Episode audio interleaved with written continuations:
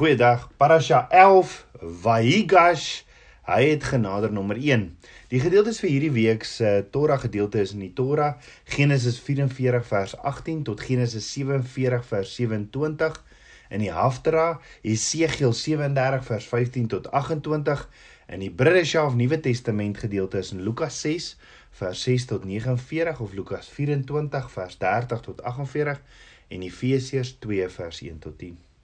Ons het in die vorige gedeelte of parasha gesien hoe hongersnood mense reg oor die aarde na die invloedrykste man op aarde, Farao op daai stadium, almal het so intoe gekom.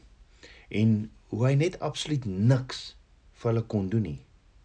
En hulle almal net verwys het na die bread of life toe, na Josef toe. En hoe hy net sê, hoe Farao net sê, gaan en doen wat hy sê, hoor want ek kan niks vir julle doen nie. So het Josef se broers ook Egipte toe gekom sonder Benjamin om brood of graan te kom koop. 'n Opdrag van hulle vader Jakob en ons het gesien hoe hulle voor Josef buig.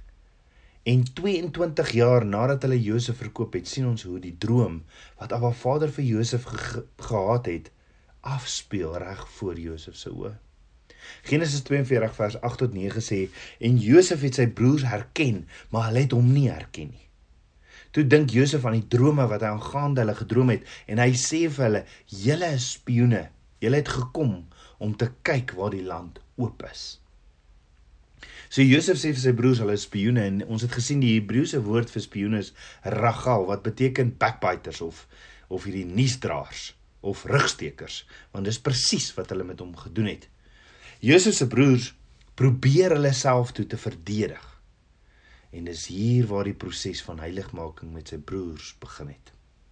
Dan sien jy kan met pyn of met verlede, daai leuns van die verlede kan jy net so ver kom, alle waarheid kom in die lig. Daar was 'n proses wat sy broers, Josef se broers moes deurgaan om tot belydenis te kom van dit wat hulle gedoen het. Josef, deur die krag van 'n Vader, sit hulle deur hierdie proses om te kyk maar maar het gaan hulle verander? Of is hulle nog steeds die ou mense die die die ou mens die die mense wat hulle was? So Josef sê te hulle sonder dat hulle weet dis hy deur 'n tolk bewys julleself dat julle verander het en gaan haal julle jongste boetie. Hulle het toe teruggegaan na hulle vader toe met graan en met al hulle met al met al hulle geld en Simon moes agterbly tot hulle hulle jongste boetie vir Josef gebring het Hulle bly toe 'n lang ruk weg. Want Jakob wil niks weet daarvan om Benjamin saam met hulle te stuur nie, want Jakob sê hierdie is my lieflingseun Benjamin. En sê verder ek sal doodgaan as ek hierdie seun ook moet verloor. So kan jy dink hoe moes hierdie broers gevoel het toe Jakob dit sê? Ek meen Jakob het 12 seuns by 4 vrouens gehad. Hoe is Benjamin nou so die lieflingskind? Maar Benjamin was die laaste seun wat Jakob by sy geliefde Rachel gehad het. Want onthou Josef is dood volgens Jakob en al wat hy oor het van hierdie liefde is Benjamin. Maar die droogte raak toe net erger en erger en erger.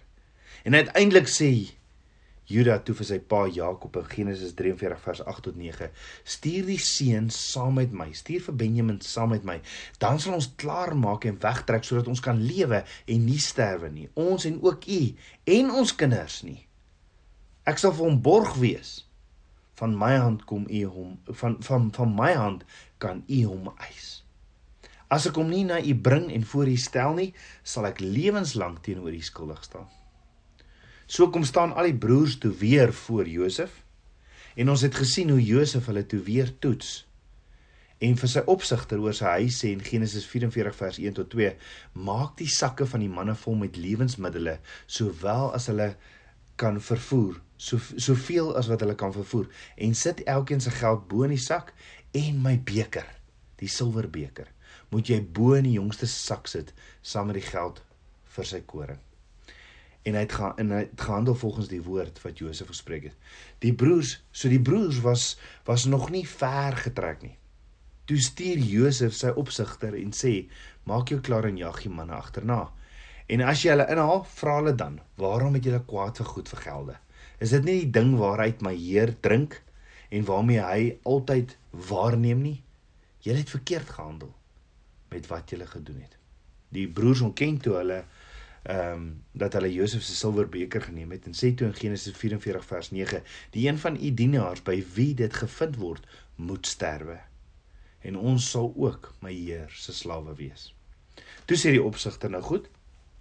Laat dit wees soos jy gesê het. Die een by wie dit gevind word, is my slaaf, maar die res sal vry wees. En ons weet die beker is toe in Benjamin se sak gevind.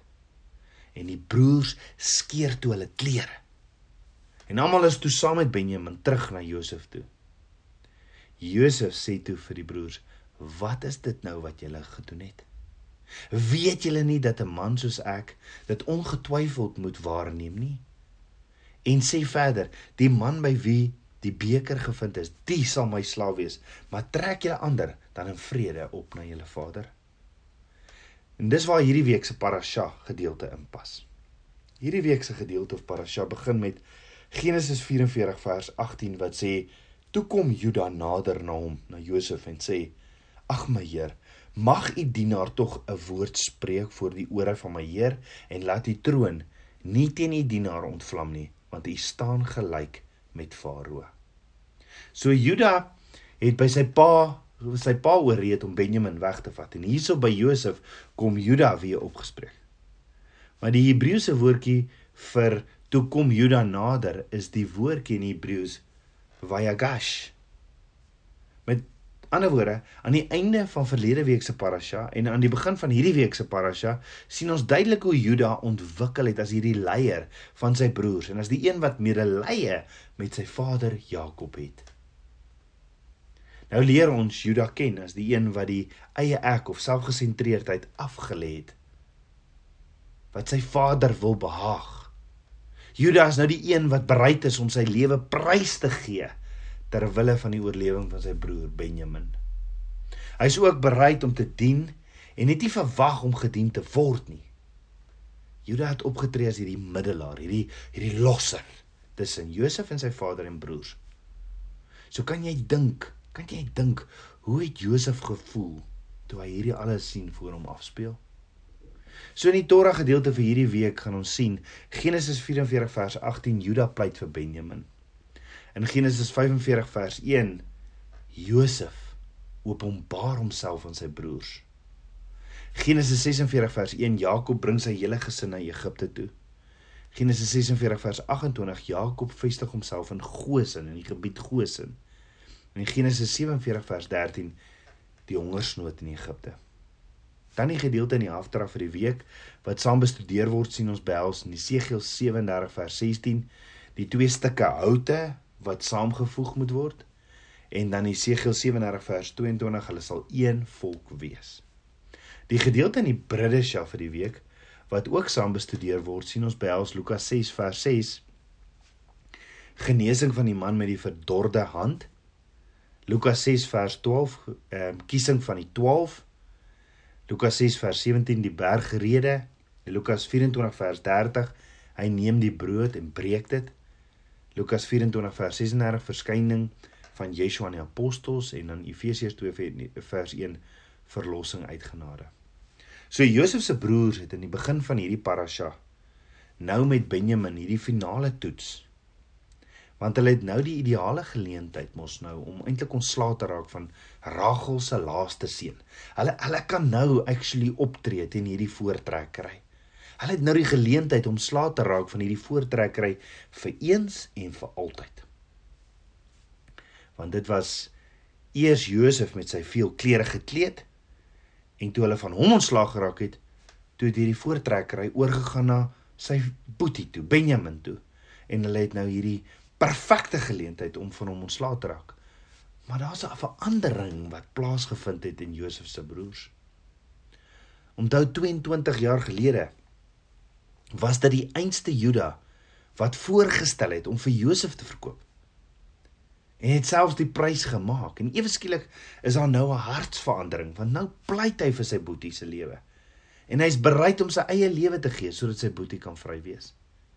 Jy sien Benjamin se broers het nie nodig gehad om saam met Benjamin terug te gaan nie.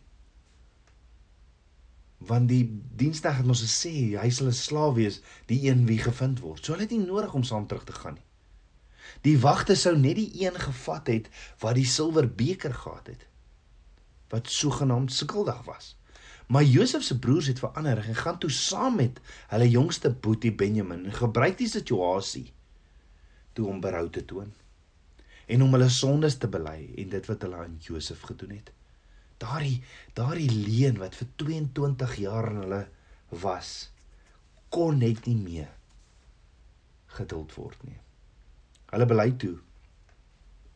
Ons het nie hulle berei toe voor Josef en hulle weet nie dis Josef nie. Hulle bely toe. Ons het nie reggemaak met ons ander boetie Josef wat ons verkoop het nie. Kan jy dink hoe Josef gevoel toe hy dit hoor?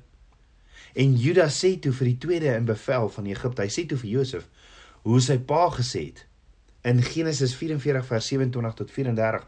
Onthou hulle weet nie dis Josef nie. En Judas sê die volgende wat Jakob gesê het. Julle weet dat my vrou vir my twee gebaar het. Die een het van my al weggegaan en ek het gesê voorwaar hy's verskeer verskeer. Ek het hom tot hierdie uur toe nie gesien nie.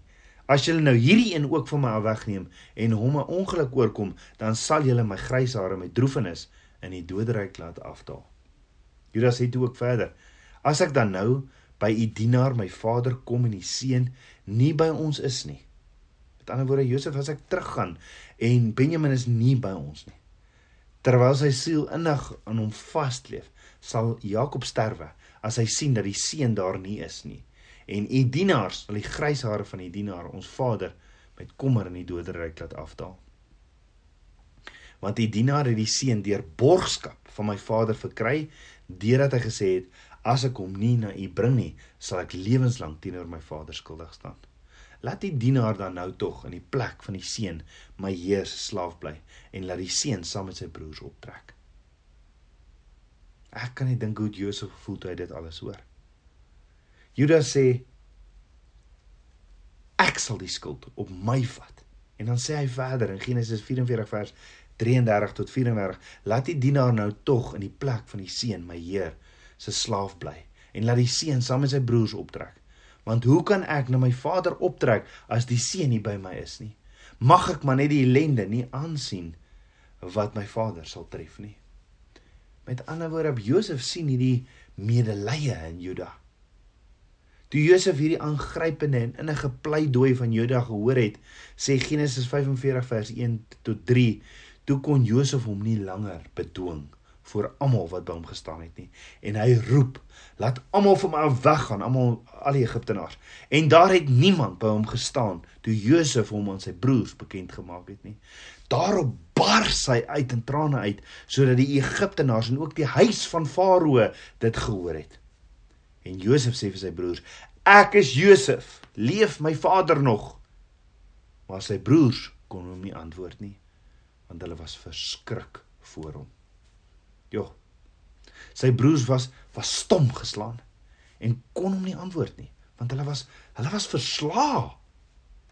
Genesis 45 vers 4 tot 5 sê: "Verder sê Josef vir sy broers: Kom tog nader na my." Ek meen hierdie ou moes hierdie boeties moes bang gewees het want hulle kan onthou wat hulle aan hulle broer gedoen het.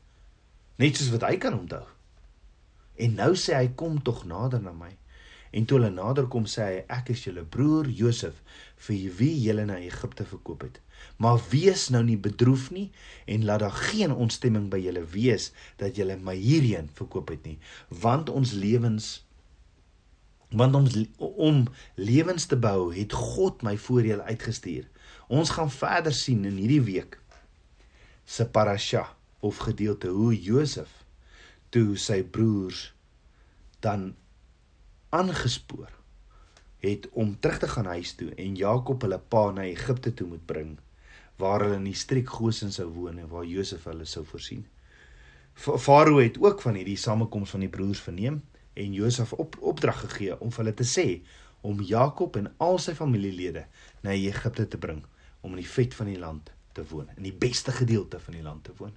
En dit gaan ons sien in hierdie week. Die vraag is Tabernakelskind van Abba, kan jy sien hoe Abba Vader vir sy verbondskinders voorsien? Farao het self waans aangebied om hulle reis om die kinders van Jakob se reis na Egipte te vergemaklik en om te help.